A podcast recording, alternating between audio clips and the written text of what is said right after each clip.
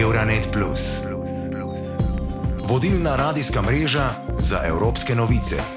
Pozdravljeni v našem podkastu Green Deal, v katerem danes pod lupo dajemo brezobzirno veseljačenje. Zabave so čas za uživanje in oddih od omejitev vsakdanjega življenja.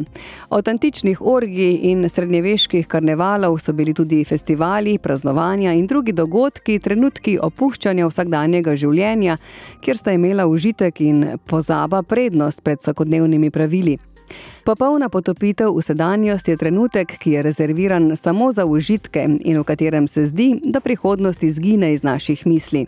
In mnogim evropejcem se danes ta prihodnost zdi mračna. Podnebna zaskrbljenost jemlje svoj davek med številnimi mladimi, vojna je na mejah bloka, pandemije še ni konec, grozi nam še ena velika gospodarska kriza. Zato ni presenetljivo, da lahko svoje obveznosti in prepričanja pustimo na strani samo v eni noči zabave, pa bomo zato opustili tudi svoja okoljska prepričanja. Naši kolegi iz bolgarskega radia BNR so se pogovarjali z Danito Zarihinovo iz Združenja za zemljo v Bolgariji. Ko gledam slike nekaterih festivalov, je to bolj podobno okoljski katastrofi kot pa glasbenemu in kulturnemu dogodku.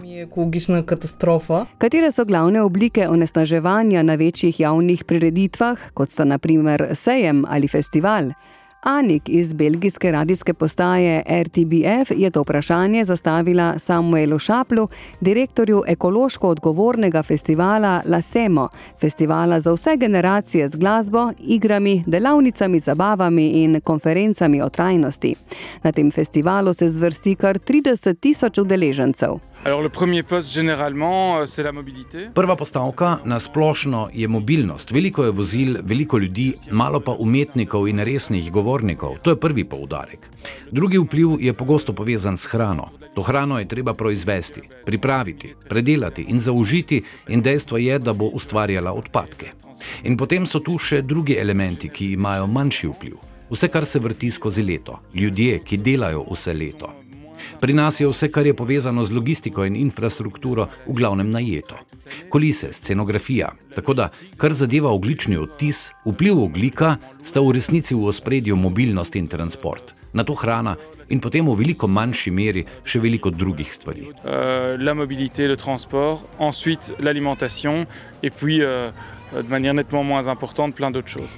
Elementi, ki jih je treba upoštevati, so torej številni in kompleksni, saj je treba dogodek obravnavati v celoti, od mobilnosti do smotrne rabe naravnih virov, od trajnostne gostinske ponudbe pa do ekološkega organiziranja odpadkov.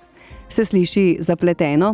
Pravzaprav ne, pravi Julija Mafalda, izvršna direktorica ETI, organizacije, ki izvaja zelene rešitve. Pogovarjala se je z našo kolegico Kačo iz Radia Polske. Jako organizacija, która tworzy i wdraża. Kot organizacija, ki ustvarja in izvaja zelene in etične rešitve za podjetja in dogodke, vemo, da je to mogoče. Med številne predloge, ki jih vedno vključimo, so pravilno ločevanje odpadkov, posoda za večkratno uporabo ali vsaj biološko razgradljiva, tista za večkratno uporabo je lahko podloga, ni nujno, da gre za keramični krožnik. Osredotočamo se tudi na fotovoltaične postaje za kombije s prehrano, sodelovanje z umetniki, ki ustvarjajo umetnost iz recikliranih stvari, torej spreminjanja odpadkov v nekaj novega, naprimer dekoracije dogodkov kompostna stranišča, izbiramo ekološke ter lokalne produkte ter storitve v festivalski ponudbi. Vedno se pogovarjamo tudi o prevozu obiskovalcev festivala na prizorišče, vendar je to njihova odločitev. Organizatorju je prepoščeno, da izobražuje in promovira najboljše rešitve, pa tudi da udeležencem omogoči skupni prevoz z avtobusom ali vlakom. Dokaz, da se da bolje, je nekaj festivalov, ki so v sodelovanju z nami ustvarili bistveno manj oglikovega dioksida, velik del teh odpadkov pa je bil recikliran. Primer iz tujine je norveški festival Oja, kjer ne strežajo le vseh jedi v embalaži za kompostiranje in pijače v embalaži za večkratno uporabo, ampak odpadke ločujejo na kar 16 frakcij, od katerih jih 60 odstotkov ponovno uporabijo. To je samo primer dejstva, da je vse mogoče, potrebna sta le volja in predanost. To jest właśnie przykład na to, że wszystko jest możliwe wystarczą chęci i zaangażowanie. Če pa so organizatorji dogodkov že na poti k trajnosti, pa mnogi ne vedo, kdaj in kje začeti, pojasnjuje Ines Aires. Je organizatorka trajnostnih dogodkov pri Zero Waste Lab na portugalskem. Todos os eventos neste momento querem ser sustentáveis. Vsi dogodki zdaj hočejo biti trajnostni, ne samo zaradi direktiv Evropske skupnosti, ne samo zaradi vseh ukrepov, ki prihajajo, ne samo zato, ker je končno tudi modno. Stvari gredo postopoma naprej. Najdemo ljudi, ki že razumejo, da je to treba narediti od začetka. Najdemo ljudi, ki pridejo k nam dva meseca pred dogodkom in sprašujejo po trajnostnih rešitvah, ko je treba trajnost videti vsaj do enega leta. Nove ano.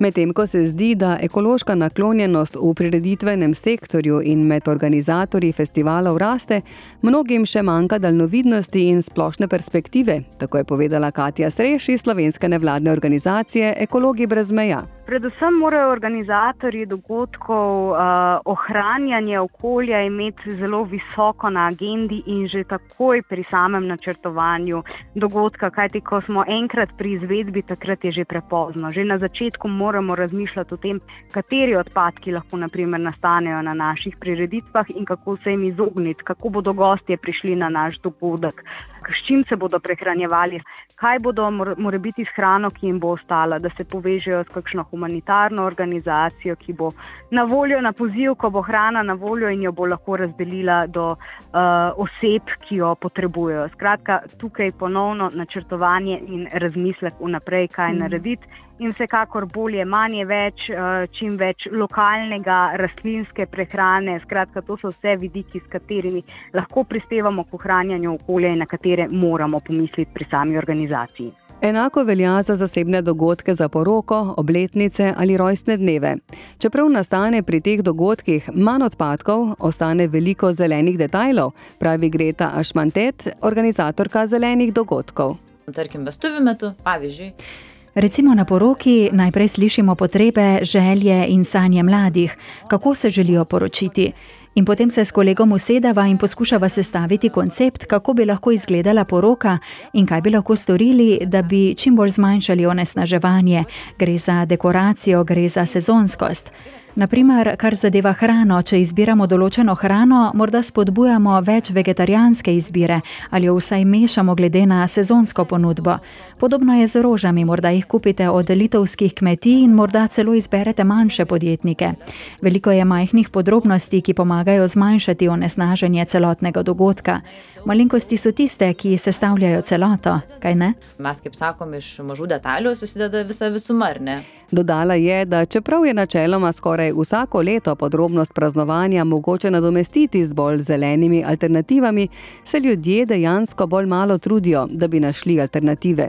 So pa uspešne zgodbe, kjer se nekatere navade vedno bolj uveljavijo in postanejo neke vrste moda, naprimer rabljene poročne obleke. Toda način, na katerega se številni dogodki obravnavajo v smislu trajnosti, je še vedno pogosto nedosleden s tveganjem osredotočanja na bolj trivialne podrobnosti, medtem ko zanemarimo glavne elemente vpliva naših dogodkov na oglik. Ko naprimer danski par praznuje poroko na španskem otoku, vsi udeleženci so prisiljeni odleteti tja za vikend, medtem ko si čestitajo, ker je poročna obleka iz druge roke, se to komu zdi morda nesmiselno, ampak vse po malem šteje, kot pravijo.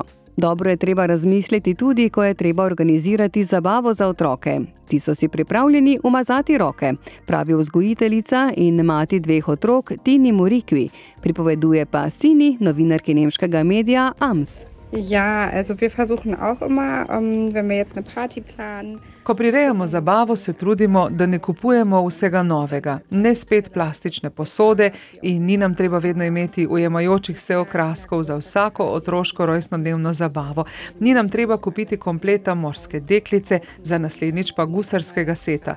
Pomagajmo si z izdelovanjem stvari, kot je lepljenje papira na kozarce za konzerviranje lahko dobite lepo namizno dekoracijo. Otroci se vedno zabavajo, ko sami izrezujejo konfete. Samo vzemite nekaj barvnega papirja in van naredite luknje. To obožujejo. Tudi časopise lahko uporabljamo za zavijanje daril, to ima rada moja hčerka. Potem še z vrta nabere rože in jih nalepi. In tudi letake vzamemo za konfete, da jih lahko ponovno uporabimo. Fürs Konfetti ähm, nehmen wir dann manchmal auch Zeitungen oder halt Prospekte, dass man die noch verwendet. Preden zaključimo današnji podcast, pa vzemimo na svete, ki smo jih slišali v teh intervjujih, kako zagotoviti, da zabava nekaterih ljudi ne postane poguba narave. Najprej je treba obravnavati dogodek v celoti, od mobilnosti do smotrne rabe naravnih virov, od trajnostne gostinske ponudbe do ekološkega ravnanja z odpadki.